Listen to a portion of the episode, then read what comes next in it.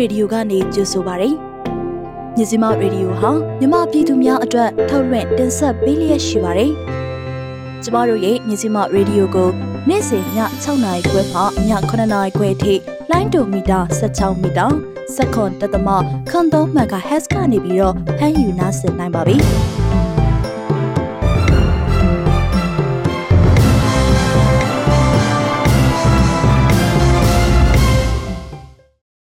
ဂလာပါရှင်မြန်မာနိုင်ငံသူနိုင်ငံသားတွေဘေးကင်းလုံခြုံပြီးစိတ်ချမ်းသာကိုကျန်းမာစွာဖြတ်သန်းနိုင်ကြပါစေဆိုပြီးမြစီမရေဒီယိုအဖွဲ့သူအဖွဲ့သားတွေကဆုတောင်းမြတ်တာပို့သလိုက်ပါတယ်ဖေဖော်ဝါရီလ10ရက်နေ့ကြာသပတေးနေ့ညရဲ့မြစီမရေဒီယိုသတင်းတွေကိုတော့ကျမမေယူနဲ့အတူခုံတော်တော်တို့ကနေတင်ဆက်ပေးသွားမှာပါဒီကနေ့ညရဲ့သတင်းတွေထဲမှာဆိုရင်တော့မဲဆောက်မှာရှိတဲ့အိမ်တလုံးမှာမြန်မာအမျိုးသမီး90နီးပါးဖမ်းဆီးခံခဲ့ရတယ်ဆိုတဲ့သတင်းရန်ကုန်မြို့မြို့ပြပျောက်ကြားအဖွဲ့ရဲ့လက်နက်တိုက်ဝင်စီးခံခဲ့ရပြီးလက်နက်တွေနဲ့အတူ ခေါင်းဆောင်တဦးဖမ်းဆီးခံရတယ်ဆိုတဲ့ပြည်တွင်းသတင်းတွေအပြင်စီးပွားရေးသတင်းတွေနဲ့နိုင်ငံတကာသတင်းတွေဖြစ်တဲ့တာလီဘန်တွေကိုအာခံနေတဲ့အာဖဂန်အမျိုးသမီးတွေရဲ့သတင်းယူကရိန်းအချက်အတဲတွင်ဩစတြေးလျမှာ Quid မဟာမိတ်အဖွဲ့နဲ့ပလင်ကန်တို့တွေ့ဆုံခဲ့တဲ့ဆိုတဲ့သတင်းတွေအပြင်ဆက်သွယ်မိညံချက်များ BNI အစီအစဉ်တွေကိုလည်းနားဆင်ရဖို့ရှိပါတယ်ရှင်။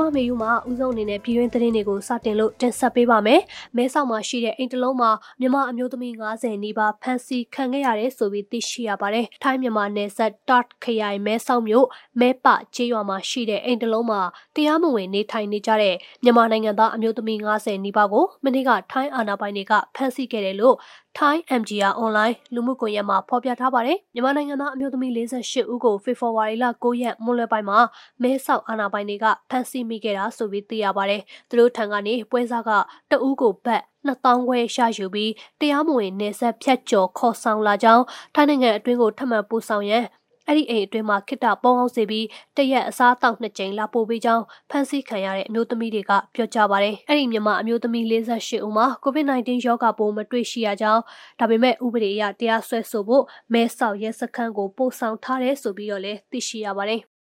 ဆလနာဆီယမှာကတော့မင်းကင်းနယ်တိုက်ပွဲမှာစစ်ကောင်စီဘက်က3ဦးသေဆုံးကတနက်နက်လက်တိတ်ဆိတ်နိုင်ခဲ့တဲ့တရင်ပဲဖြစ်ပါတယ်။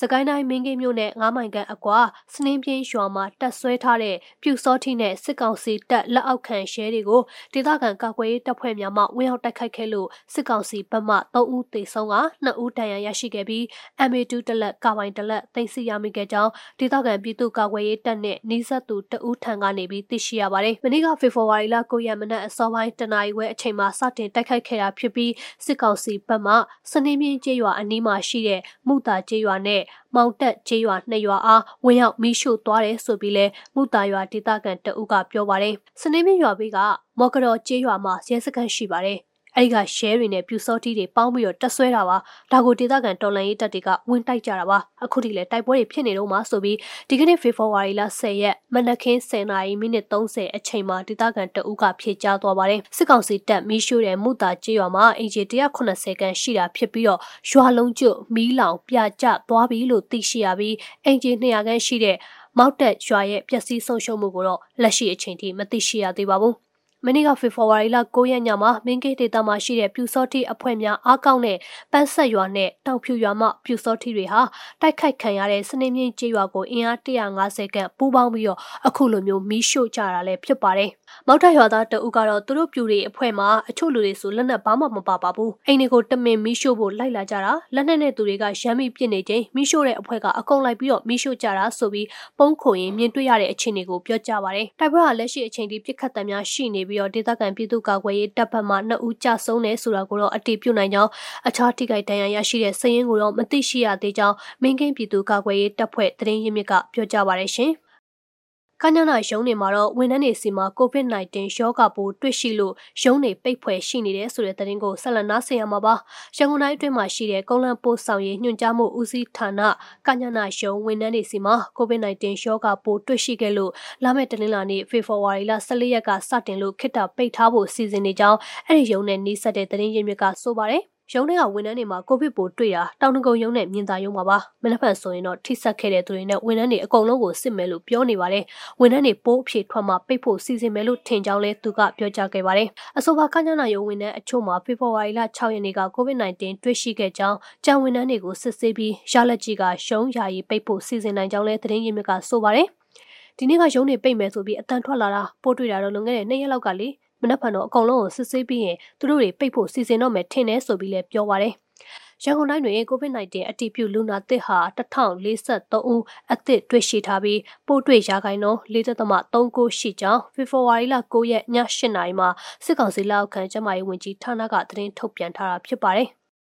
ရန်ကုန်မှာရှိတဲ့မြို့ပြပျောက်ကြားအဖွဲ့ရဲ့လက်နက်တိုက်ဝင်စီးခံခဲ့ရပြီးလက်နက်တွေနဲ့အတူခေါင်းဆောင်တအူဖမ်းဆီးခံခဲ့ရတဲ့တရင်ကိုဆက်လက်နားဆင်ရမှာပါရန်ကုန်မြို့မှာရှိတဲ့ပျောက်ကြားအဖွဲ့တစ်ဖွဲ့ရဲ့လက်နက်တိုက်နေရာနှစ်ခုကိုစစ်တပ်ကဖေဖော်ဝါရီလ10ရက်နေ့မှာဝင်ရောက်ဖမ်းဆီးခဲ့ကြောင်းရန်ကုန်အခြေစိုက်ပျောက်ကြားအဖွဲ့ဖြစ်တဲ့ Free Tiger Ranger အဖွဲ့မှပိုတိုက်ကကပြောကြားပါတယ် အဲ့ဒီလက်နက်တိုက်ဟာတောင်ကလာနဲ့မြောက်တကုံမှာနှစ်နေရာရှိတာဖြစ်ပြီးလက်နက်တွေနဲ့အတူကောင်းဆောင်ပိုင်းတအူးလည်းဖမ်းဆီးခံခဲ့ရတယ်လို့လည်းသိရှိရပါတယ်။မိတာကတော့ GPS ကနေတဆင်မိတာပါပုံစံကတော့လက်နက်အလူပေါ့လှူလိုက်တဲ့လက်နက်မှာတက်ပြီးပေးလိုက်တာပါရဲဘော်တွေဘာလိုအပ်နေတယ်လဲဆိုတာကိုကြည့်ပြီးတော့လှူပုံရပါတယ်ဥပမာ M79 လှူတယ်လို့အလှခံမိတယ်ဆိုပါစို့တဦးတဲ့အလှရှင်ထပေါ်လာရင်ကြောက်ရပါတယ်သူကဝယ်ပြီးပို့ပေးတယ်ပေါ့အဲ့ဒီမှာခြေရခံဆက် ထည့်ပေးလိုက်တဲ့ပုံစံမျိုးပြဆိုပြီးလဲပိုတိုက်ကကပြောကြားသွားပါတယ်ဒီအပိုင်းအလူကန်ရရှိတဲ့အထက်မှာ40မမနဲ့ပတ်သက်တဲ့တနက်တွေမှာ GPS ပါလာတာဖြစ်နိုင်တယ်ဆိုပြီးလဲသူကခံမှန်းပါတယ်ဖန်ဆီးခံရမှုတွေမှာခေါင်းဆောင်ပိုင်းတဦးနဲ့အတူ40မမပုံပစ်လောင်ချနှစ်လက်လက်နက်ပုံနဲ့ကြည်မျိုးစုံပါဝင်ပြီးစီးရင်အတိအကျကိုတော့မသိရှိရသေးပါဘူးဆီယနာသိမ်းမှုတစ်နှစ်ပြည့်လာပြီဆိုပေမဲ့ဒီကာလမှာပြည်သူတွေခက်ခဲနေတာကိုနားလည်ပေမဲ့လက်နက်ကင်တော်လှန်ရေးအတွက်ထောက်ပံ့ပေးနိုင်ရေးအဆိုင်ရန်လဲပိုတိုက်ကကတိုက်တွန်းသွားပါတယ် ဆက်လက်ပြီးတော့ဆက်သွယ်မိမှန်ချက်အစီအစဉ်ကိုနားဆင်ရမှာဖြစ်ပါတယ်။ကရင်ပြည်နယ် KNU တပ်မဟာ9ထိန်ချုံနယ်မြေဖာပုံမြို့နယ်အတွင်းစစ်ကောင်စီလက်အောက်ခံဌာနဆိုင်ရာဝန်ထမ်းတွေဟာဖေဖော်ဝါရီလ10ရက်နောက်ဆုံးထားပြီးတော့ကုတ်ဒေတာအသီးသီးကိုအမြန်ဆုံးထွက်ခွာကြဖို့ KNL တပ်မဟာ9ကတတိပေးချက်ထုတ်ပြန်ပြီးတဲ့နောက်လူရနဲ့ချီပြီးရာဂိုင်နှုန်းအဖြစ်ရတော့65ရာဂိုင်နှုန်းလောက်ဟာမြို့ပေါ်ကနေထွက်ခွာသွားကြပြီးဖြစ်တယ်ဆိုပြီး KNU တာဝန်ရှိသူတွေကပြောပါတယ်။ အဲ့လိုဌာနဆိုင်ရာဝန်ထမ်းတွေမြို့ပေါ်ကထွက်ခွာမှုအခြေအနေနဲ့အုပ်ချုပ်ရေးပိုင်းဆိုင်ရာအခြေအနေတွေကို KNU ဗဟိုရဲ့ပြောခွင့်ရသူဗဟိုစောတော်နီကိုကိုနောင်နောင်ကနေပြီးတော့ဆက်သွယ်မေးမြန်းထားပါတယ်။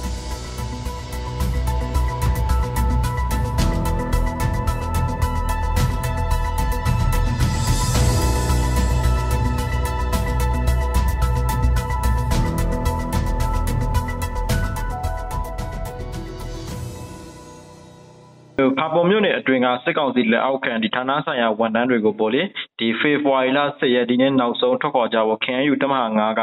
ဟိုပြီးခဲ့တဲ့ဇန်နဝါရီလ30ရက်နေ့မှာတတိပေးချက်ထုတ်ပြန်ထားတာရှိတာပေါ့နော်ဆိုတော့ဒီနေ့ကလည်းနောက်ဆုံးနေ့ဖြစ်တဲ့အခါကျတော့ဝန်ထမ်းတွေထွက်ခွာမှုအခြေအနေဘယ်လိုရှိလဲဆိုတာတစ်ချက်တော့သိချင်လို့ပါခင်ဗျာအော်ကျွန်တော်အကြမ်းတရားဖြစ်တော့ဝန်ထမ်းတွေထွက်ခွာသွားတာတော့ရှိတယ်နော်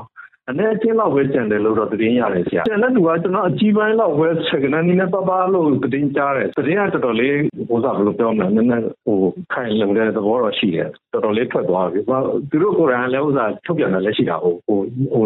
ဖတ်ပုံခရိုင်အနေထား သူတို့ထွက်ခွာတာကသူတို့ဘယ်လိုပုံစံမျိုးနဲ့ထွက်ခွာကြလဲကျွန်တော်သိရသလောက်ကတော့အဲ့ဒါဟိုသူတို့စာထုတ်ကြတဲ့ကသူတို့လည်းတခါလဲဟိုရှင်းပြထားတယ်လေဘာလို့လဲဆိုတော့ထွက်မယ်ဆိုတော့သူတို့တတ်နိုင်တယ်လို့ကူညီပေးမယ်ဆိုတာလည်းပြောထားတာဟုတ်ဆရာတော့ကျွန်တော်တို့သိရတာတော့မထွက်နိုင်အောင်သူတို့သူတို့ဒီပိုင်းတွေကလည်းတားတာတော့ရှိတယ်တပ်ဖက်ကလည်းတားတာတော့ရှိတယ်ဒါပေမဲ့ဒီတားတဲ့ကြားတွေကပဲသူတို့ထွက်သွားလို့ရတယ်လို့ကျွန်တော်တို့နားလည်ရတယ်ဆောလောတော့ဆယ်ငလုံးကြံနေတယ်သူတို့စောက်တော့တင်းထုတ်တဲ့အချိန်ကလေဆယ်ငလုံးပဲကြံလို့တယ်ဒါပေမဲ့နောက်ပိုင်းအားဖြင့်အပြည့်ပြန်ထွက်လာတယ်အခု900ရင်900ရင်တော့ရှိမှရှိတော့မှာ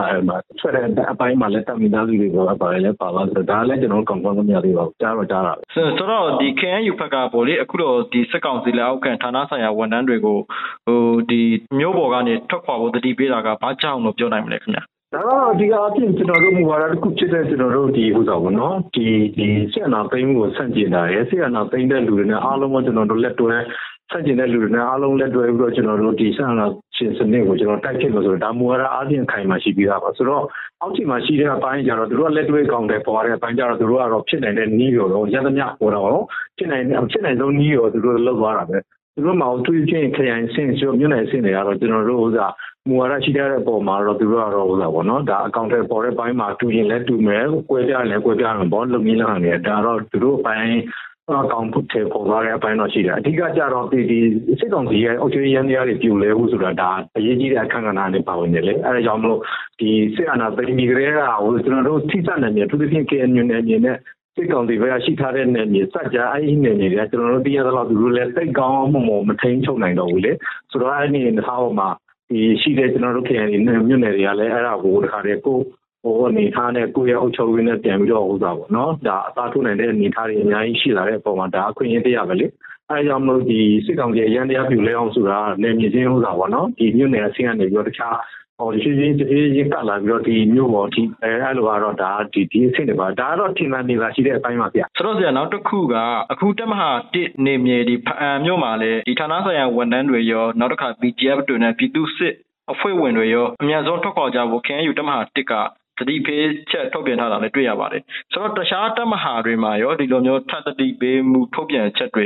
ရှိလာနိုင်မလားဆရာဒါနဲ့ပတ်သက်ပြီးတော့ရောဗာများပြောနိုင်မလဲခင်ဗျအော်အဲ့ဒါတော့ကျွန်တော်ဟိုယတိကပြောလို့တော့မရဘူးဆရာကြီးဘာလို့လဲဆိုတော့ကျွန်တော်တို့ဟိုအောက်ခြေမှာအကောင့်တွေပေါ်တဲ့အပိုင်းတွေကလည်းသူတို့နီးလို့ဟန်နဲ့လောက်ကြတာတော်တော်များများရှိပါတယ်ဆိုတော့အဲ့ဒါမျိုးခုနကကျွန်တော်ဟိုသောသောကျွန်တော်ပြောထားသလိုပဲလေတချို့ကလည်းသူလည်းစာထုတ်ထုတ်မယ်မထုတ်ဘဲနဲ့လောက်တဲ့ဟာတွေလည်းအများကြီးရှိပါတယ်နော်ဆရာအဲ့ဒါမျိုးကတော့ဒါကျွန်တော်တို့အထက်မှာတော့ရှောက်ဖြစ်နေတယ်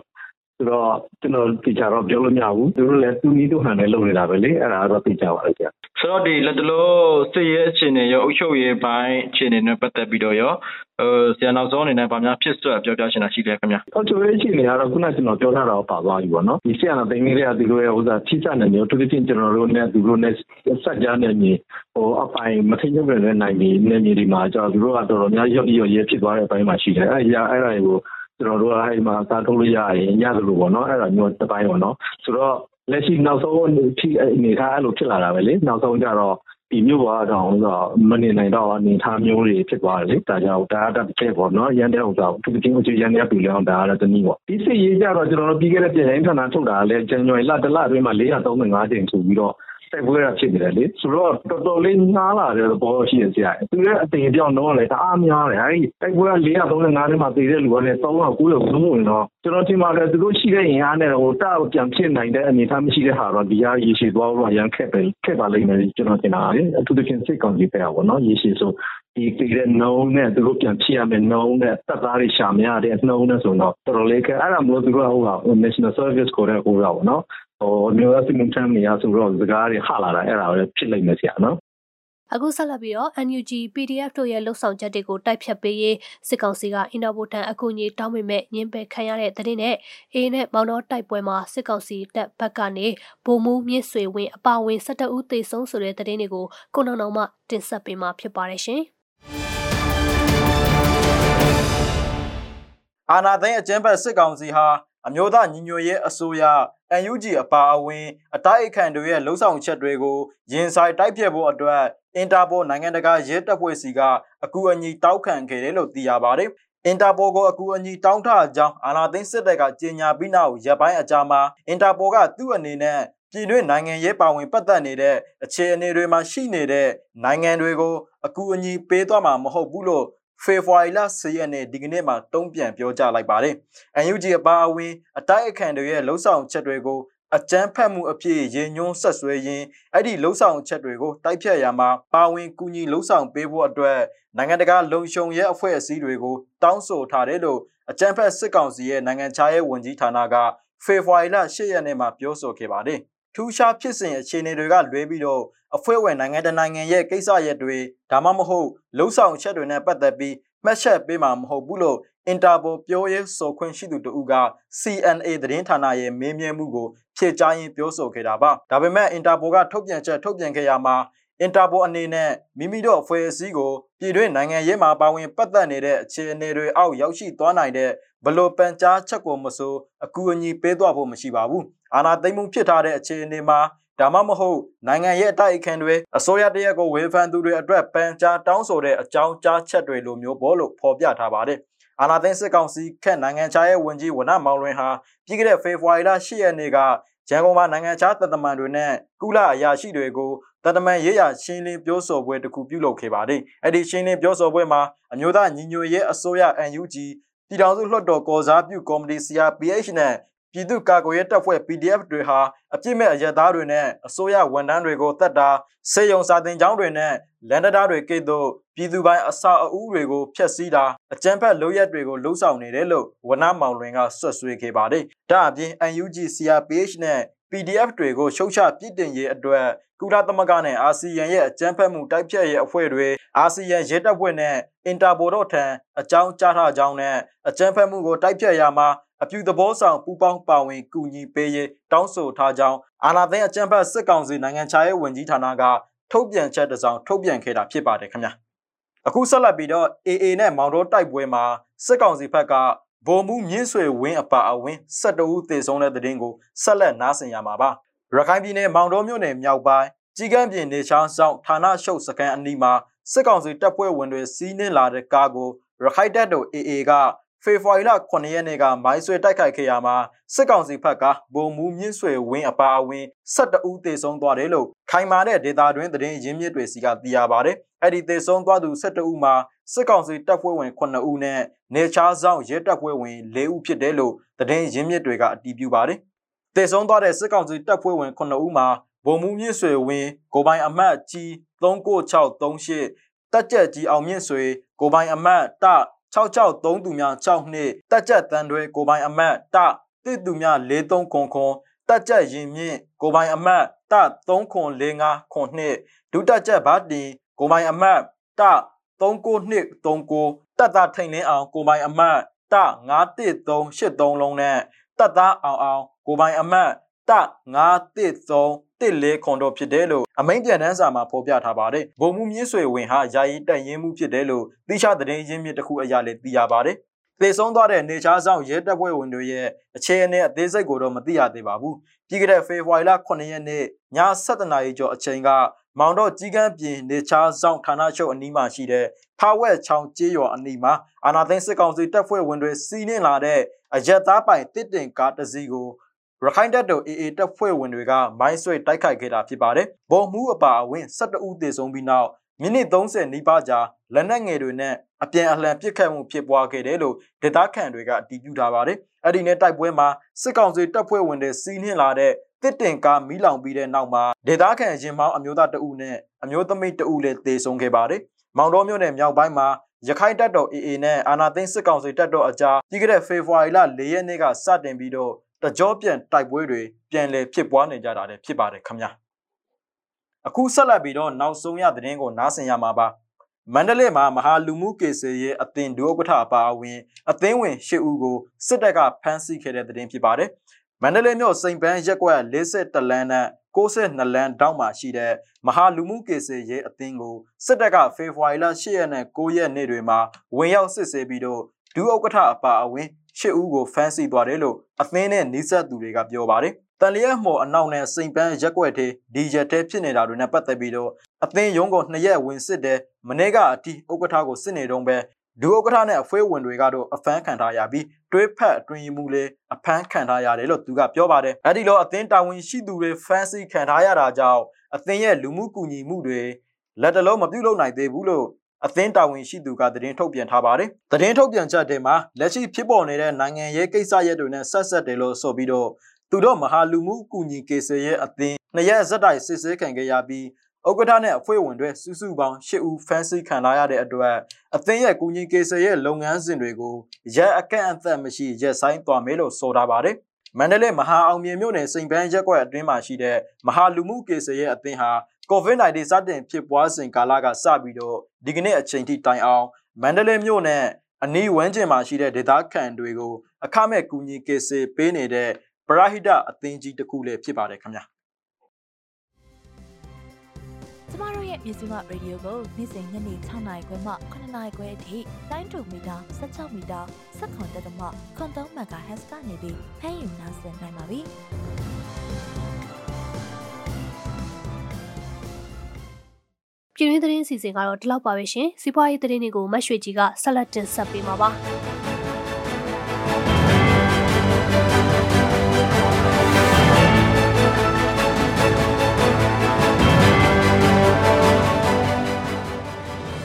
ဒီကနေ့အတွက်နောက်ဆုံးရရှိထားတဲ့စီးပွားရေးသတင်းတွေကိုတင်ဆက်ပေးပါတော့မယ်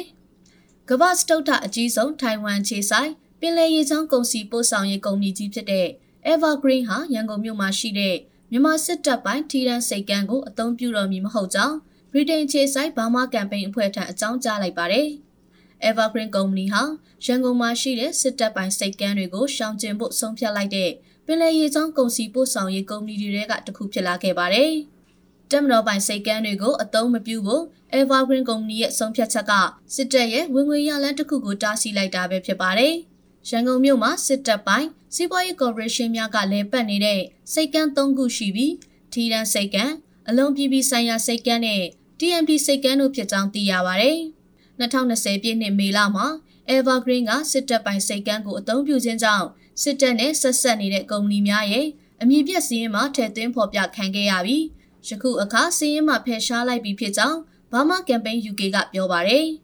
ဘာမာကမ်ပိန်း UK ဖွဲ့အနေနဲ့2022ခုနှစ်မတ်လမှာအသစ်ထုတ်ပြန်မဲ့အမည်ပြစည်းရင်းမှာနောက်ထပ်ပင်လယ်ရေချောင်းကုန်စည်ပို့ဆောင်ရေးကုမ္ပဏီများကိုထည့်သွင်းသွားမည်ဖြစ်ကြောင်းသိရပါတယ်။ပြီးခဲ့တဲ့2020အောက်တိုဘာလမှာဒိမတ်အခြေဆိုင်ကမ္ဘာအကြီးဆုံးရေချောင်းတည်ယူပို့ဆောင်ရေးကုမ္ပဏီ Maris က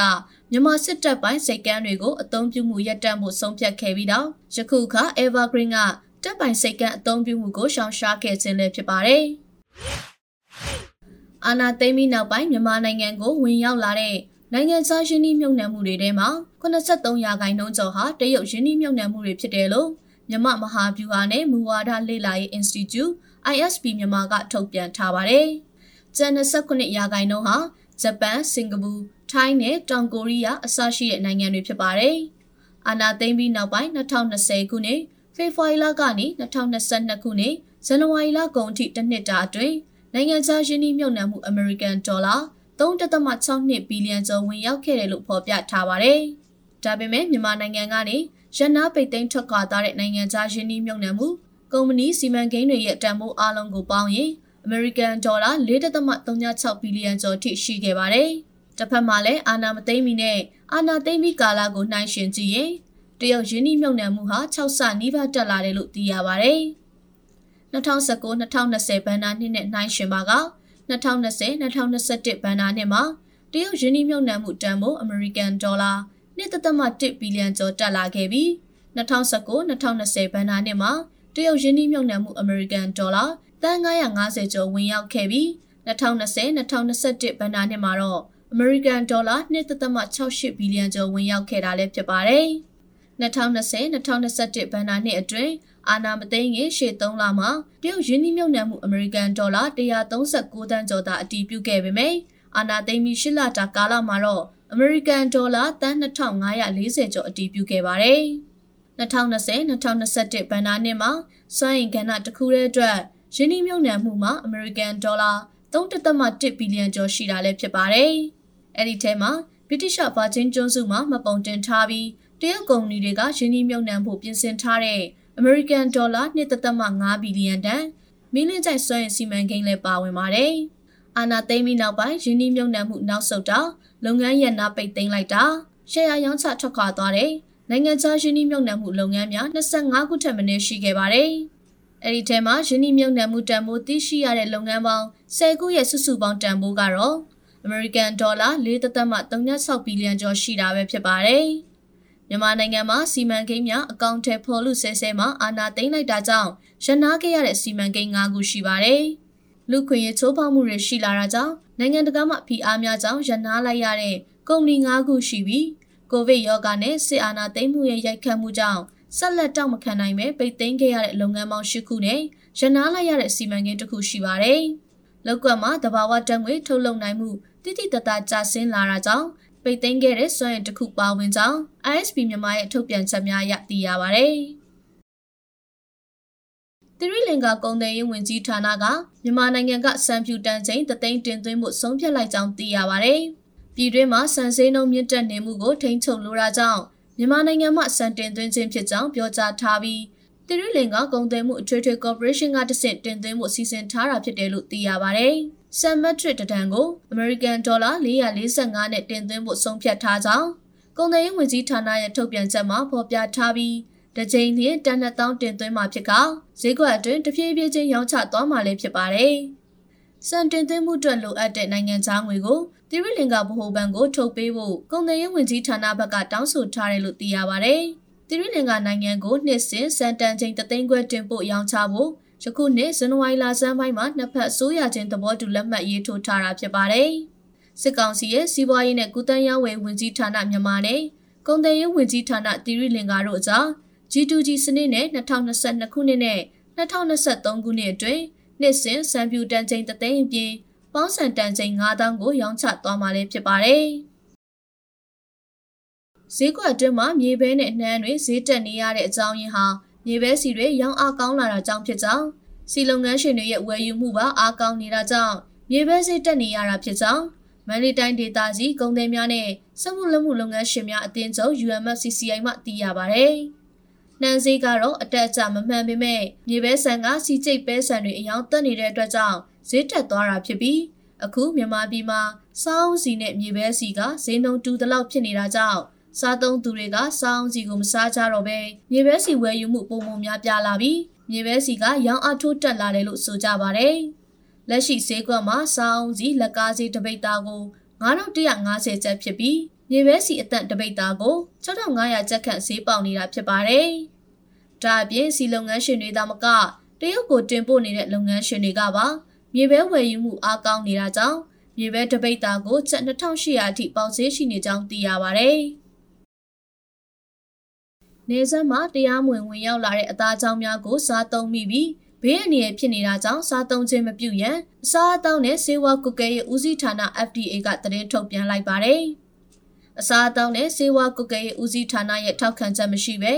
နေဆက်မှာတရားမဝင်ဝင်ရောက်လာတဲ့အသားကြောင်းများကိုစားသုံးသူအများပြည်သူများအနေနဲ့စားသုံးခြင်းမပြုရန်နဲ့ရောင်းဝယ်ဖောက်ကားသူများကိုလည်းထိရောက်စွာအရေးယူသွားမည်ဖြစ်ကြောင်းထုတ်ပြန်ခဲ့တာဖြစ်ပါတယ်။ရှမ်းပြည်နယ်ဒီဘောမြို့နယ်ရှိကျေးရွာတရွာနဲ့ ကရင်ပြည်နယ်ဖျားသုံးစုမြို့တို့မှာကိုရီးယားသားလုံးများစားမိရာမှာကလေးများအောက်ဆီဂျင်ကျကအသက်ရှူချက်ချင်းများဖြစ်ပွားပြီးတစ်နှစ်ကျော်ရွယ်ကလေးတဦးသေဆုံးခဲ့ကြောင်းသိရပါဗျ။ဖြစ်စဉ်မှာဖေဖော်ဝါရီလ9ရက်နေ့ကဖြစ်ပွားခဲ့ခြင်းဖြစ်ပြီးရှမ်းပြည်နယ်တောင်ပိုင်းတီဘောမြို့နယ်တွန်ကောကျေးရွာမှာရှိတဲ့မိသားစုနဲ့ကရင်ပြည်နယ်ဖျားသုံးစုမြို့မှာရှိတဲ့မိသားစုဝင်များဖြစ်ကြောင်းသိရပါဗျ။လက်ရှိမှာရင်းမိသားစုများမှာလာရှိုးစေယုံကြီးမှာတက်ရောက်ကူတာနေပြီး နောက်ဆက်တွဲအခြေအနေများကိုမသိရှိရသေးကြောင်းအလားတူကရင်ပြည်နယ်ဖျားသုံးစုမြို့မှာလည်းမြန်မာအခေါ်ကိုရီးယားအကင်လုံးနဲ့ကျုပ်ကြောင်များစားသုံးမိရမှာအောက်ဆီဂျင်ကျပြီးအသက်ရှူချက်က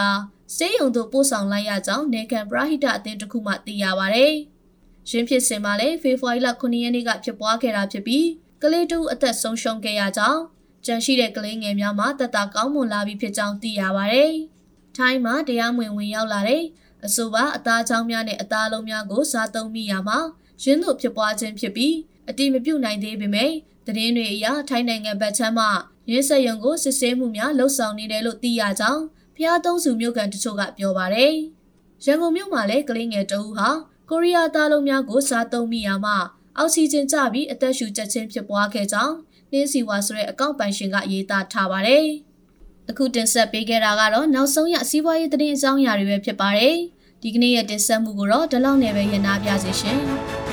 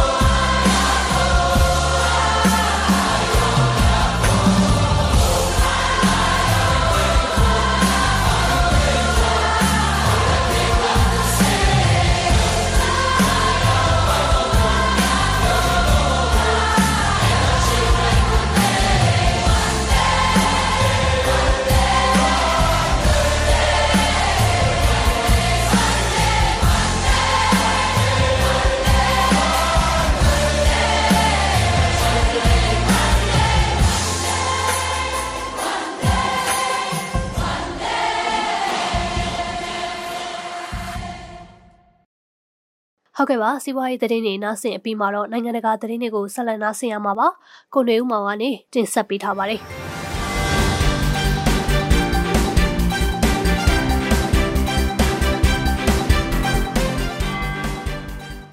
သူတို့ရဲ့အသက်ကိုယင်းပြီးတာလီဘန်ကိုစန့်ကျင်ဖို့ရာစုဝေးတိုင်ပင်ဖို့အတွက်မျက်နာတွေကိုဂယုတစိုက်ဖုံးကွယ်ထားကြတဲ့အာဖဂန်အမျိုးသမီးတစုဟာကဘူးကတိုက်ခန်းငယ်တစ်ခုအတွင်းကိုတယောက်ပြီးတယောက်ခတ်သွက်သွက်ဝင်လာကြပါတယ်။ ဩဂုတ်လကအာဖဂန်နစ္စတန်မှာအာဏာပြန်သိမ်းပြီးသူတို့ရဲ့အိမ်မက်တွေကိုဖျက်ဆီးခဲ့တဲ့သဘောထားတင်းမာသူအစ္စလာမစ်အစိုးရကိုစန့်ကျင်ဖို့အတွက်အစီအစဉ်တရက်လှုပ်ဆောင်ဖို့အခုလိုစုဝေးခဲ့ကြတာဖြစ်ပါတယ်။အစပိုင်းကဒီအဖွဲ့မှာတက်ကြွလှုပ်ရှားသူ15ယောက်ထက်မပိုဘဲအများစုဟာတဦးနဲ့တဦးအသည့်အကျွမ်းတွေဖြစ်ကြတဲ့အသက်20အရွယ်အမျိုးသမီးငယ်တွေဖြစ်ပါတယ်။အခုတော့ဒီကွန်ရက်အတွင်းမှာတစ်ချိန်ကကျောင်းသူတွေဆရာမတွေ NGO ဝန်ထမ်းတွေနဲ့အိမ်အောင်ရှင်မတွေအပါအဝင်လွန်ခဲ့တဲ့6လအတွင်းဆန္ဒပြပွဲတွေကိုစူးစီးဖို့ရန်လျှို့ဝှက်လှုပ်ဆောင်နေတဲ့အမျိုးသမီးဒါဇင်ပေါင်းများစွာပါဝင်လာကြပါတယ်။ကျမတို့ဆုံးရှုံးမှုတွေကိုတွေးတော့စိတ်သက်ကြပြီးအိမ်မှာထိုင်နေမဲ့အစားဘာလို့သူတို့နဲ့မပူးပေါင်းရမှာလဲလို့ကိုကိုကိုမေးခွန်းမေးခဲ့တယ်လို့အမည်မဖော်လိုသူအသက်20အရွယ်အဖွဲ့ဝင်တဦးက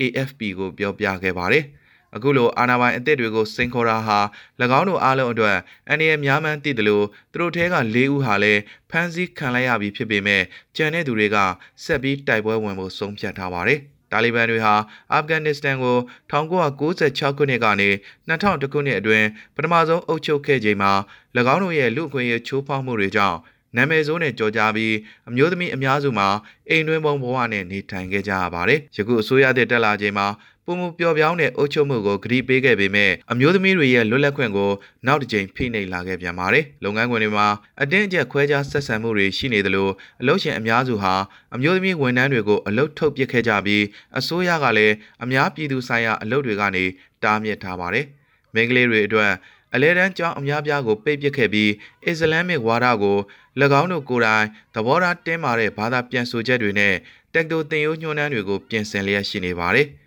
ပြီးခဲ့တဲ့အုပ်ချုပ်မှုကာလအတွင်းကတာလီဘန်အစိုးရရဲ့ရက်ဆက်ကြမ်းကြုတ်မှုတွေရဲ့ချောင်းလန့်မှုကိုခန်းစားနေရစဉ်အာဖဂန်အမျိုးသမီးတချို့ဟာစွန့်စားဖို့အလွန်ထိတ်လန့်နေကြသလို၎င်းတို့ရဲ့မိသားစုတွေကအိမ်မှာပဲနေဖို့ဖိအားပေးခြင်းခံနေရပါတယ်။သူမရဲ့နာမည်ကိုရှာလာလို့ပဲ AFP ကိုပြောပြခဲ့တဲ့ကလေးလေးယောက်ရဲ့မိခင်အမျိုးသမီးကတော့အခုလိုအမျိုးသမီးအခွင့်အရေးတွေကိုချုပ်ချယ်ကန့်သက်ခံရခြင်းကသာလျှင်သူမအတွက်အကြီးမားဆုံးကြောက်ရွံ့မှုဖြစ်တယ်လို့ဆိုပါတယ်။ အလုတ်ကထုတ်ပယ်ခံရပြီးအစိုးရဝန်ထမ်းဟောင်းတူဖြစ်တဲ့သူမဟာတော်လန်ပုံကံမှုအတွက်စီယုံရေးလုပ်ငန်းတွေကိုကူညီလှုပ်ဆောင်နေပြီးမြို့တော်ရဲ့နေရန်တွေမှာတာတူညီမျှမှုအတွန်းရှိပါစေဆိုတဲ့ graffiti ဆောင်ပုဒ်တွေကိုရေးဆွဲဖို့တခါတရံညဘက်တွေမှာခိုးဝင်ခဲ့ပါတယ်။အမျိုးသမီးငယ်တွေအတွက်စံနမူနာပြဖြစ်ခြင်းနဲ့တိုက်ပွဲကိုအရှုံးမပေးဘူးလို့သူမကဆိုပါတယ်။ တာလီဘန်တွေကဒီလောက်ရဲ့အတွက်သူ့မိသားစုကိုဒုက္ခပေးနိုင်ပေမဲ့ရှာလာရဲ့ခင်မောကတော့သူမအလုပ်တွေကိုထောက်ပံ့ပေးနေတယ်လို့သူမရဲ့ကလေးတွေကလည်းတော်လန်အန်တုမှုကိုအတူယူပြီး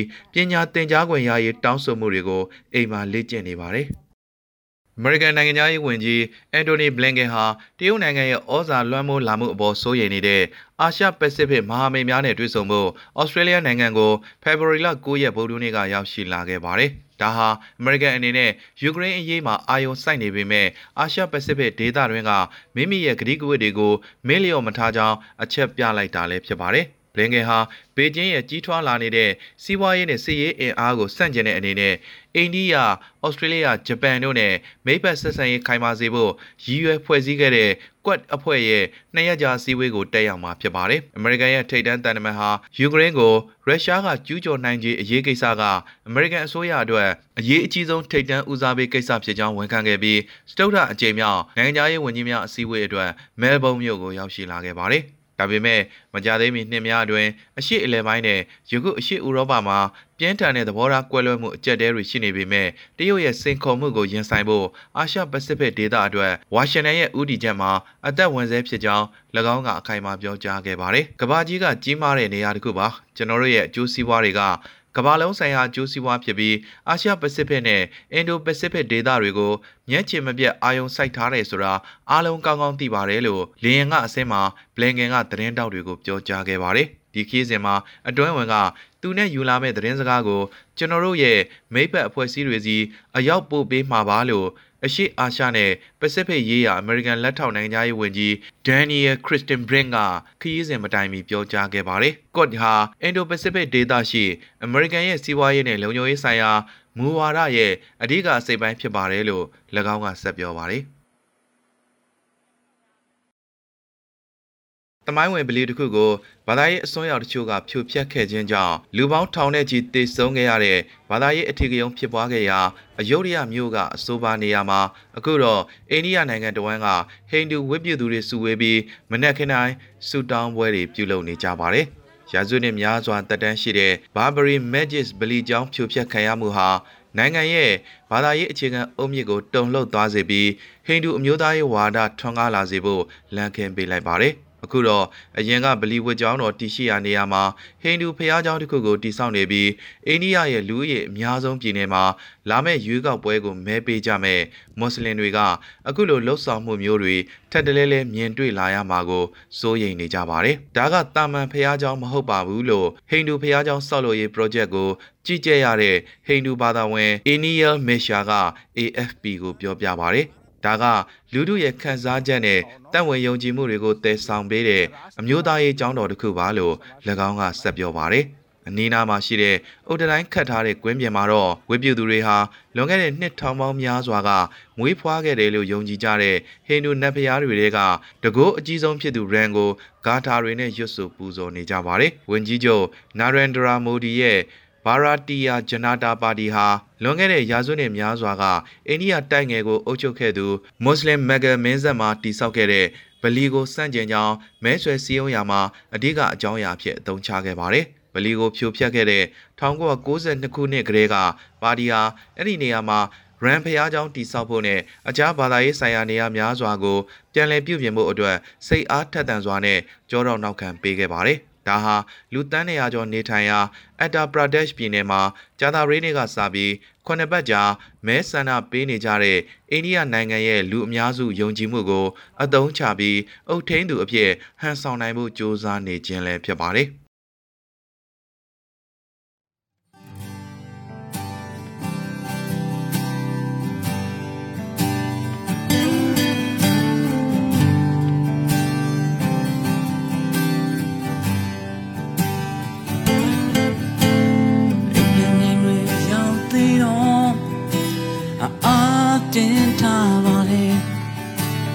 ဆုံးနာကြပြီနောင်ကျိုးရဲ့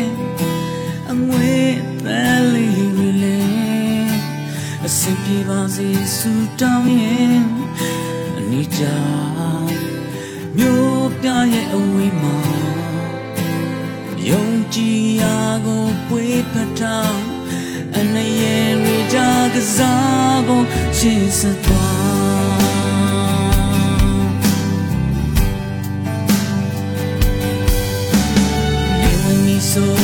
နဲ့ချစ်တချို့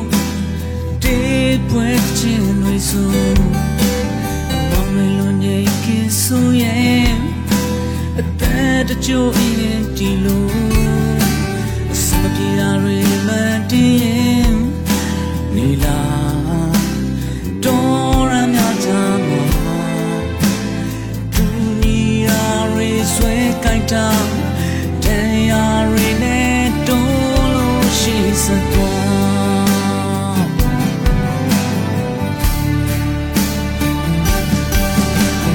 ရောင်ဒီလာလာမလာလာတငယ်ချင်းရာရှေးဆက်ဖို့ကြိုးစားရင်ခုန်တန်လူညီကိုရလက်တွဲကအဆုံးထိဆက်သွားကြအိမ်မကိုချိုးပြီးပန်းနာအိမ်ရောက်ကြ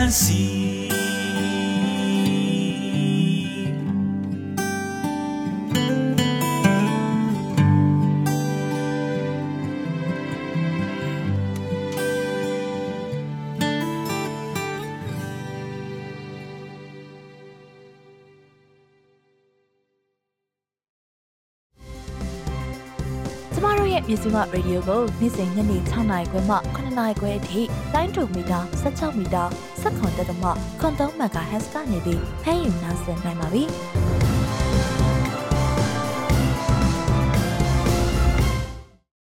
အခုချိန်မှာစတင်လို့ BNI အစီအစဉ်ကိုနားဆင်ရမှာပါ BNI ဝိုင်းတော်သားတွေကဆက်လက်တင်ဆက်ပေးထားပါတယ်ရှင်။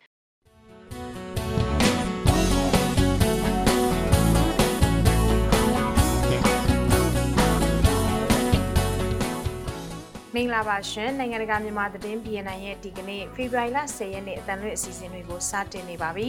ဒီအစီအစဉ်ကတော့တိုင်းသားဒေသတွေတဲကသတင်းတွေတိုင်းသားတွေရဲ့အတန်နဲ့အမြင်တွေကိုစူးစီးတင်ဆက်ထားတာဖြစ်ပါတယ်နေ့စဉ်မြန်မာစံတော်ချိန်ညနေ9:15မိနစ်ကနေ9:00ခွဲအထိလိုင်းတူ16မီတာ19.3 MHz မှာဖမ်းယူနားထောင်နိုင်ပါတယ်ကျွန်မကအမီပါ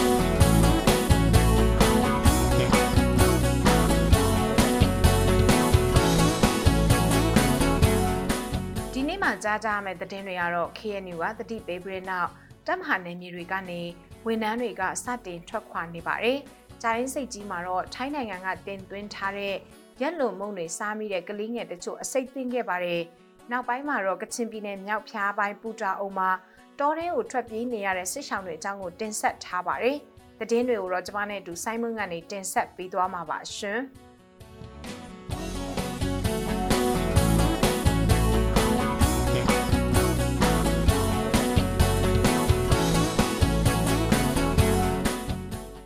ဖန်မြို့ကဝန်ထမ်းတွေမြို့ကနေထွက်ခွာနေကြပြီလို့ဖန်မြို့ခံတွေကပြောပါတယ်။ကရင်မြို့သားစီယုံခင်ယူတက်မှတိထင်းချုပ်နယ်မြေဖန်မြို့နယ်အတွင်းစစ်ကောင်စီလက်အောက်ခံတပ်သားအပါဝင်ဌာနဆိုင်ရာဝန်ထမ်းအများဆုံးထွက်ခွာဖို့ KNU ကဖေဖော်ဝါရီလ9ရက်နေ့ရက်စွဲနဲ့တတိပေးစာထုတ်ပြန်လိုက်ပြီးတဲ့နောက်ထွက်ခွာမှုတွေစတင်လာတာပါ။ ကရင်မြို့သားလူမျိုးရေးတပ်မတော် KNL တပ်မဟာတိထင်းချုပ်နယ်မြေအတွင်းမှာတာဝန်ထမ်းဆောင်နေကြတဲ့ကရင်နေချားဆောင်တပ် PGF တပ်သားအပါဝင်ပြည်သူ့စစ်အဖွဲ့ဝင်တွေအနေနဲ့လက်ရှိတာဝန်ထမ်းဆောင်နေတဲ့နေရာကအမြန်ဆုံးထွက်ပေးဖို့နဲ့စစ်ကောင်စီနဲ့ဆက်လက်ပူးပေါင်းတာတွေမလုပ်ဖို့တတိပေးထားပါတယ်။ဒါအပြင် BGF စခန်းတွေထဲမှာမိခိုနေထိုင်နေတဲ့မိသားစုဝင်တွေအနေနဲ့စခန်းတွေကနေထွက်ခွာပေးဖို့နဲ့စစ်ကောင်စီလက်အောက်မှာတာဝန်ထမ်းဆောင်နေတဲ့ဌာနဆိုင်ရာဝန်ထမ်းတွေအားလုံးတာဝန်ကနေနှုတ်ထွက်ပေးဖို့လည်းတတိပေးထားတာပါ ကရင်မျိုးသားအစည်းအရုံး KNU တပ်မဟာတစ်တထုံခရိုင်တာဝန်ရှိသူတို့ကတော့ထုတ်ပြန်ချက်ကိုလိုက်မနာဘူးဆိုရင်ထိရောက်စွာရေးယူသွားမယ်လို့လည်းတန်လွန်တိုင်းကိုပြောပါတယ်ကရင်မျိုးသားလူမျိုးရေးတပ်မတော် KNL တပ်မဟာတစ်တိုက်ရင်တစ်ထင်းချုပ်နယ်မြေထဲမှာတော့ PGF စခန်းလေးခုပြည်သူစစ်ကျေးရွာ10ရွာနဲ့စစ်ကောင်စီခန့်ဌာနဆိုင်ရာဝန်ထမ်းရာနဲ့ချီရှိနေတာပါကရင်မျိုးသားအစည်းအရုံးတပ်မဟာတစ်ထင်းချုပ်နယ်မြေတွေဖြစ်တဲ့ကြိုက်ထိုပီလင်းတထုံပအာမြို့နယ်တွေမှာတော့ KNLA နဲ့စစ်ကောင်စီတပ်တို့အကြားမကြာခဏဆိုသလိုတိုက်ပွဲတွေဖြစ်ပွားနေတာပါကရင်ပြည်နယ်ကြာရင်စိတ်ကြီးမြို့နယ်ဖျားသုံးစုမြို့မှာထိုင်းနယ်စပ်လမ်းကြောင်းကနေတဆင်တင်သွင်းလာတဲ့ထိုင်းနိုင်ငံထုတ်ကောင်းပွိုင်အမတ်တစိပ်ပါအသားချောင်းစားမိတဲ့အတွက်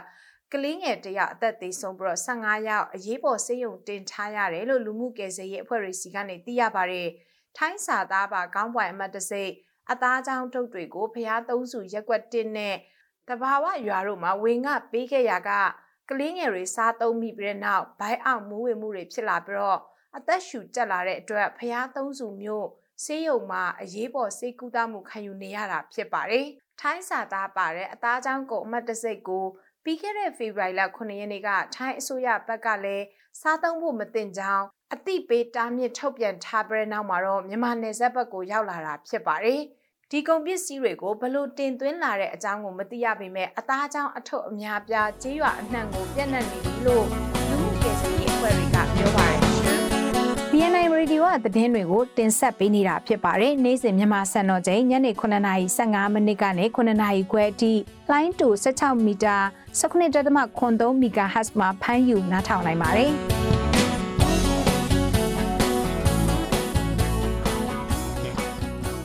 ရခိုင်ပြည်နယ်မြောက်ဦးမြို့ကစစ်ပေးရှောင်စခန်း26ခုကိုစစ်တပ်နဲ့ရဲပူးပေါင်းတပ်ဖွဲ့တွေကဝင်ရောက်စစ်ဆေးမယ်ဆိုတဲ့သတင်းတွေကြောင့်စစ်ပေးရှောင်တွေကသူတို့ကိုနေရပြန်ပို့မှာကိုစိုးရိမ်နေကြပါတယ်။ပြီးခဲ့တဲ့ဖေဖော်ဝါရီလ9ရက်နေ့ကမြောက်ဦးမြို့နယ်အထွေထွေအုပ်ချုပ်ရေးမှူးရုံးမှာစစ်ပေးရှောင်စခန်းတာဝန်ခံတွေကိုအတိပေးခဲ့တယ်လို့မြောက်ဦးမြို့ပေါ်အောင်စီဒီစစ်ပေးရှောင်စခန်းတာဝန်ခံဦးတမ်းမင်းကပြောပါတယ်။ဘယ်နေ့မှဝင်ရောက်စစ်ဆေးမယ်ဆိုတာမသိရသေးပေမဲ့နေရပြန်ခိုင်းမှာကိုအတိကစိုးရိမ်နေကြတယ်လို့စစ်ရှောင်တွေကပြောဆိုကြပါတယ်။မြောက်ဦးမြို့နယ်အုပ်ချုပ်ရေးမှူးဦးစိုးစိုးတက်ကတော့စစ်ဆောင်စခန်းတွေကိုဝင်ရောက်စစ်ဆေးမဲ့ကိစ္စဟာနေရပြန်ခိုင်းဖို့မဟုတ်ပဲလူဦးရေစရင်အတိအကျဖြစ်စေဖို့အတွက်ဖြစ်တယ်လို့ဆိုပါတယ်။မြောက်ဦးမြို့နယ်တစ်ခုလုံးမှာစစ်ပေးဆောင်စခန်း26ခုရှိပြီးတော့စစ်ပေးဆောင်လူဦးရေ18000ခန့်ရှိပါတယ်။ချင်းပြည်နယ်မတူပီမြို့ကနေမင်းတပ်မြို့ဘက်ကိုပြန်လှည့်လာတဲ့စစ်ကောင်စီရင်တန်းရဲ့လက်နက်ကြီးရန်တမ်းပစ်ခတ်မှုကြောင့် ခုနှစ်နှစ်အရွယ်ចောင်းသားတယောက်လက်နက်ကြီးကြီးထိမှန်ပြီးပွဲချင်းပြီးတေဆုံးသွားတယ်လို့မင်းတပ်မြို့နယ်ပြည်သူ့အုပ်ချုပ်ရေးကသတင်းထုတ်ပြန်ထားပါတယ်။တေဆုံးသူចောင်းသားဟာဖေဖော်ဝါရီလ9ရက်နေ့ကစစ်ကောင်စီရင်နှန်းရဲ့လက်နက်ကြီးပစ်ခတ်မှုကြောင့်ရှုံမြောင်ထဲမှာပုံအောင်စစ်ဆောင်နေရစဉ်မှာတေဆုံးခဲ့ရတာဖြစ်ပါတယ်။ စစ်ကောင်စီတပ်ဖွဲ့တွေဟာမင်းတပ်မြို့နယ်ထဲမှာရှိတဲ့ကြေးရွာတွေဘက်ကိုအဝေးပြစ်တာဝေးလက်နက်ကြီးတွေနဲ့ရန်တမ်းပစ်ခတ်ခဲ့တာကြောင့်ကြေးရွာနေအိမ်တွေလည်းထိခိုက်ပျက်စီးမှုတွေရှိခဲ့ပါတယ်။ပြီးခဲ့တဲ့ဇန်နဝါရီလ24ရက်နေ့ကလည်းမတူပီမြို့ကနေမင်းတပ်မြို့ဘက်ကိုစစ်ကားအစီး90နဲ့ပြန်လှည့်လာတဲ့စစ်ကောင်စီတပ်နဲ့ CDF မင်းတပ်တို့အကြားမှာမင်းတပ်မတူပီလမ်းပိုင်းမှာတိုက်ပွဲဖြစ်ပွားခဲ့ပြီးတော့ ဖေဖော်ဝါရီလ10ရက်နေ့မှာမှမင်းတပ်မြို့ကိုရောက်ရှိလာတာဖြစ်ပါတယ်ရှင်။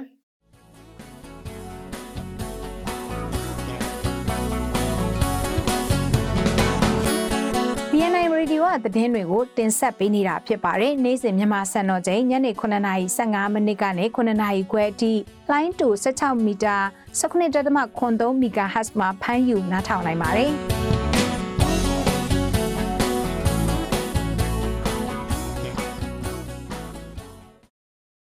ရှမ်းပြည်တောင်ပိုင်းပင်လောင်းမြို့နယ်ကိုထပ်ပြေးလာတဲ့ဂရီနီကစစ်ဆောင်တွေနဲ့လူဦးရေ2000ကျော်ဟာနေရပြန်သွားပြီလို့သိရပါတယ်။ဖေဖော်ဝါရီလပထမပတ်ကစတင်ပြီးဂရီနီပြည်အတွင်းတိုက်ပွဲငြိမ်သက်ခဲ့တဲ့ရက်ွက်တွေမှာနေထိုင်သူတချို့နေရပြန်သွားခဲ့တာဖြစ်ပါတယ်။ပင်လောင်းမြို့နယ်မှာဂရီနီဘက်ကရောက်ရှိလာတဲ့စစ်ဆောင်9000ဝန်းကျင်ခန့်ရှိပါတယ်။အခုလဲနောက်ထပ်လူဦးရေ9000ဝန်းကျင်ခန့်ရှိနေသေးပါတယ်။ စစ်ရှောင်းတွေဟာပုံကြီးကျောင်းတမယုံဇရက်ဆွေမျိုးအိမ်တွေမှာရက်ကွက်ကကြေးရွာတချို့တွေမှာအိမ်ငားနေထိုင်တာကြောင့်တချို့မှာစားနပ်ရိက္ခာအခက်အခဲတွေရှိနေတယ်လို့လည်းသိရပါတယ်။ပြီးခဲ့တဲ့ဇန်နဝါရီလကဂရင်းနီပြည်ရက်ကော်မြို့နယ်နဲ့အခြားမြို့နယ်မှာစစ်ကောင်စီတပ်နဲ့ပြည်သူ့ကာကွယ်ရေးတပ်ဖွဲ့တို့တိုက်ပွဲပြင်းပြင်းထန်ထန်ဖြစ်ပွားခဲ့ကြပါတယ်။တိုက်ပွဲကြောင့်ဒေသခံပြည်သူတွေဟာရှမ်းပြည်တောင်ပိုင်းစီဆိုင်တောင်ကြီးညောင်ဆွေပင်တရပင်လောင်းမြို့နယ်ထိထွက်ပြေးနေတာတလခန့်ကြာလာပြီဖြစ်ပါတယ်။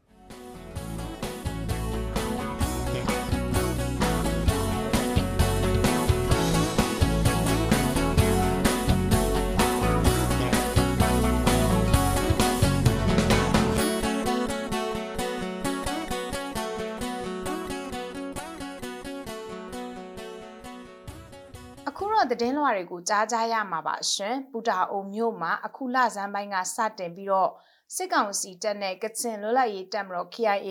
PDF တို့တိုက်ပွဲဖြစ်ပွားလာတာကြောင့်လုံရှာယန်စွန်ပီယန်နဲ့ဖတ်မာဒေတာခန်တွေဟာတောထဲကိုထွက်ပြေးနေကြသလိုတချို့ကတော့နီးစက်ရမြို့တွေဘက်ကိုထွက်ပြေးနေကြရပါတယ်ဒီအကြောင်းအပြည့်စုံကိုတော့လူလူတင်ကပြောပြပေးထားပါတယ်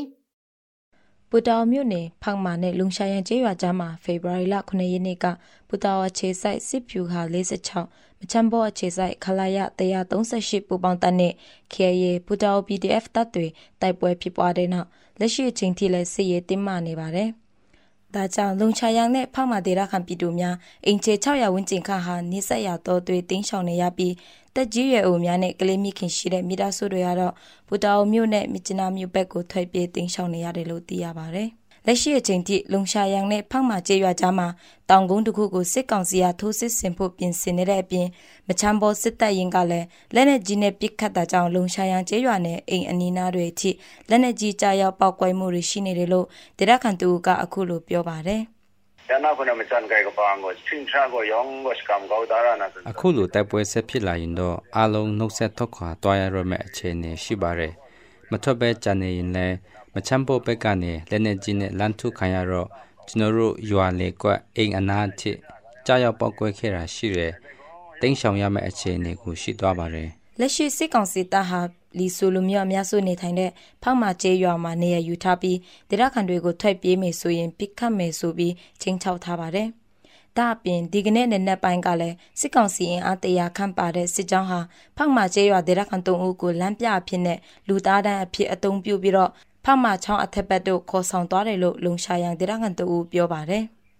ဖေဖော်ဝါရီလ9ရက်နေ့တိုက်ပွဲပြီးတောထဲထွက်ပြေးတင်းရှောင်နေရတဲ့ပြည်သူတွေဟာအစာအသောက်လိုအပ်နေတဲ့အပြင်စစ်ရှောင်တွေကိုဘေးလွတ်ရာထပ်မံတည်ယူပို့ဆောင်ဖို့အကူအညီများစွာလိုအပ်နေတယ်လို့လုံရှာယန်ဒေသခံတို့ကအခုလိုဆက်ပြောပါတယ်။ရအစံကအန်တေကဖုန်းနဲ့ရှိကာကမကြုံရဲမကြဖုန်းနီပြီးတော့ကဲရကရင်ကဖုန်းကနေပဲတည်င်းရယူတာဖြစ်တော့ဖုန်းပေလေ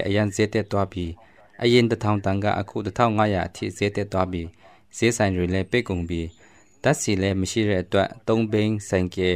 ကားနဲ့လူအကျိုးဖို့လုပ်ဖို့လည်းခက်ခဲနေပါတယ်။မိုးကလည်းမရှိတဲ့အတွက်အခုချိန်ဆိုဘယ်သူမှမကူညီတဲ့တော့ကိုယ်စီစဉ်နေပဲအင်္ဂါပလတ်စတစ်စာကောက်ယူစားငရုတ်နဲ့ဆန်နေနေယူသွားတာပဲအခုထိစားတော့နေရတယ်။ မြစ်ချနာပူတာကိုလမပေါ်ကစွန်ပီယန်နဲ့လုံရှာယန်ကျေးရွာမှာရှိတဲ့စစ်ကောင်စီတပ်စခန်းနဲ့ရေးစခန်းတွေကိုဖေဖော်ဝါရီလ3ရက်နေ့က KIA နဲ့ PDF ပူးပေါင်းတပ်ဖွဲ့တွေကတိုက်ခိုက်ရှင်းလင်းခဲ့ပါတယ်။အဲ့ဒီနောက်ဖေဖော်ဝါရီလ3ရက်နေ့ညနေပိုင်းမှာတော့စစ်ကောင်စီတိုက်လေရင်3စီးနဲ့စွန်ပီယန်ကျေးရွာကိုလာရောက်ပစ်ခတ်ခဲ့တာကြောင့်ဒေသခံတထောင်ကျော်တောထဲထွက်ပြေးခဲ့ရပါတယ်။ ကချင်လွတ်လပ်ရေးအဖွဲ့ KIO ထိန်းချုပ်နယ်မြေအတွင်းမှာရှိတဲ့စစ်ဆောင်စခန်းတချို့မှာတော့စားနပ်ရိက္ခာပြက်လက်တဲ့အခက်အခဲတွေနဲ့ကြုံနေကြရတယ်လို့စစ်ဆောင်တွေနဲ့စခန်းတာဝန်ခံတွေကပြောပါတယ်။ဘယ်နေရာတွေမှာလဲဘာကြောင့်လဲဆိုတာကိုတော့စောပွေးကပြောပြပေးပါမယ်ရှင်။ဝိုင်းမော်မြို့နယ်စတုံးခရိုင်အတွင်းရှိမိုင်တိုင်အမတ်ရှိစစ်ဆောင်စခန်းမှာ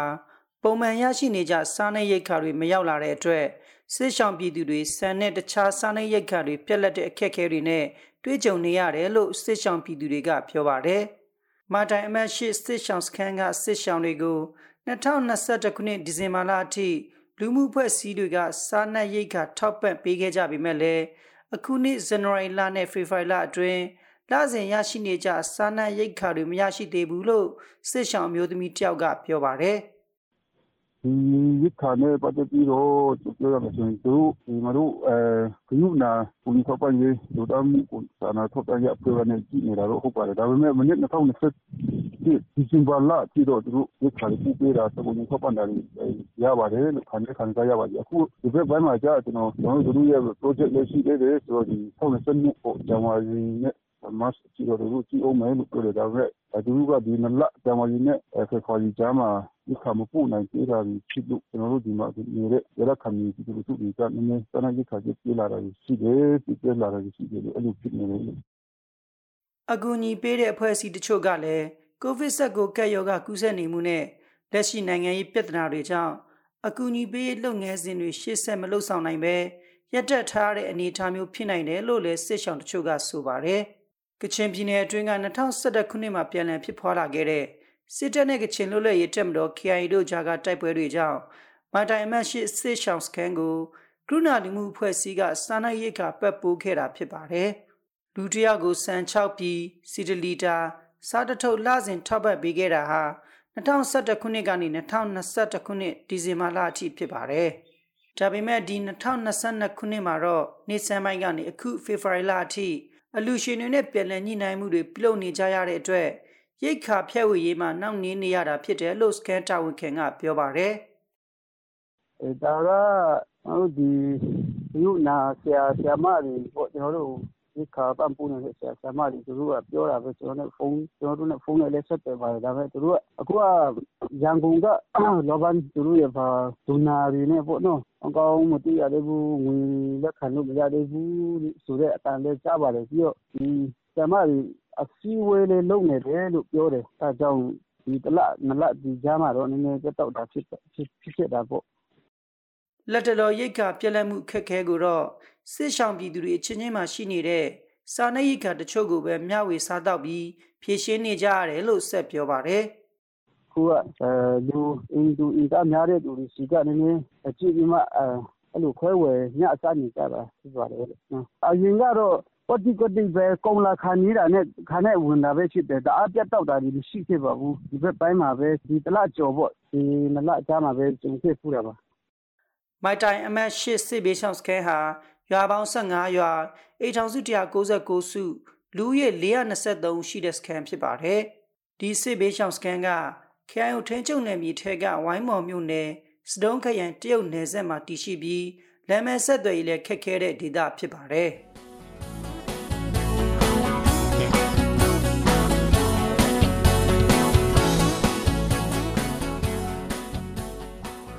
အခုနားဆင်ခဲ့ကြရတာကတော့ BNI Radio ကနေ့စဉ်သတင်းအစီအစဉ်ပဲဖြစ်ပါတယ်။ဒီအစီအစဉ်ကိုနေ့စဉ်မြန်မာစံတော်ချိန်ညနေ9:15မိနစ်ကနေ9:00ခွဲအထိ15မိနစ်ကြာထုတ်လွှင့်နေတာဖြစ်ပါတယ်။နားဆင်ပေးတဲ့အတွက်ကျေးဇူးတင်ပါတယ်ရှင်။ကျွန်မကအမီပါ။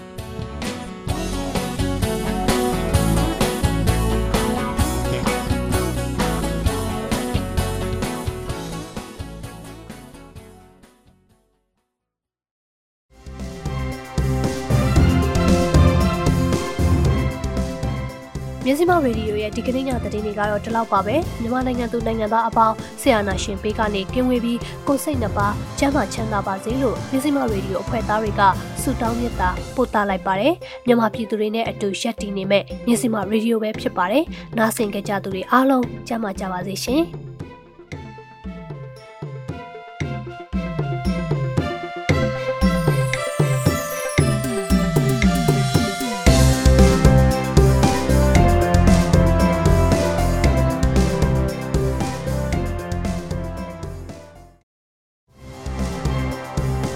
မတို့ရဲ့မြစီမရေဒီယိုကိုနေ့စဉ်ည6နာရီခွဲမှည9နာရီခွဲထိလိုင်းဒိုမီတာ16မီတာစက္ကွန်တသမခွန်3 MHz ကနေပြီးတော့ဖမ်းယူနားဆင်နိုင်ပါပြီ။မြစီမရေဒီယိုကိုနားမစင်လိုက်ရတဲ့သူတွေအနေနဲ့မြစီမ News and Farmy Page 108 Page မြစီမ YouTube Channel မြစီမ Website Podcast Application Podcast Anchor Podcast တွေမှာလည်းပြန်လည်နားဆင်လို့ရပါတယ်နော်။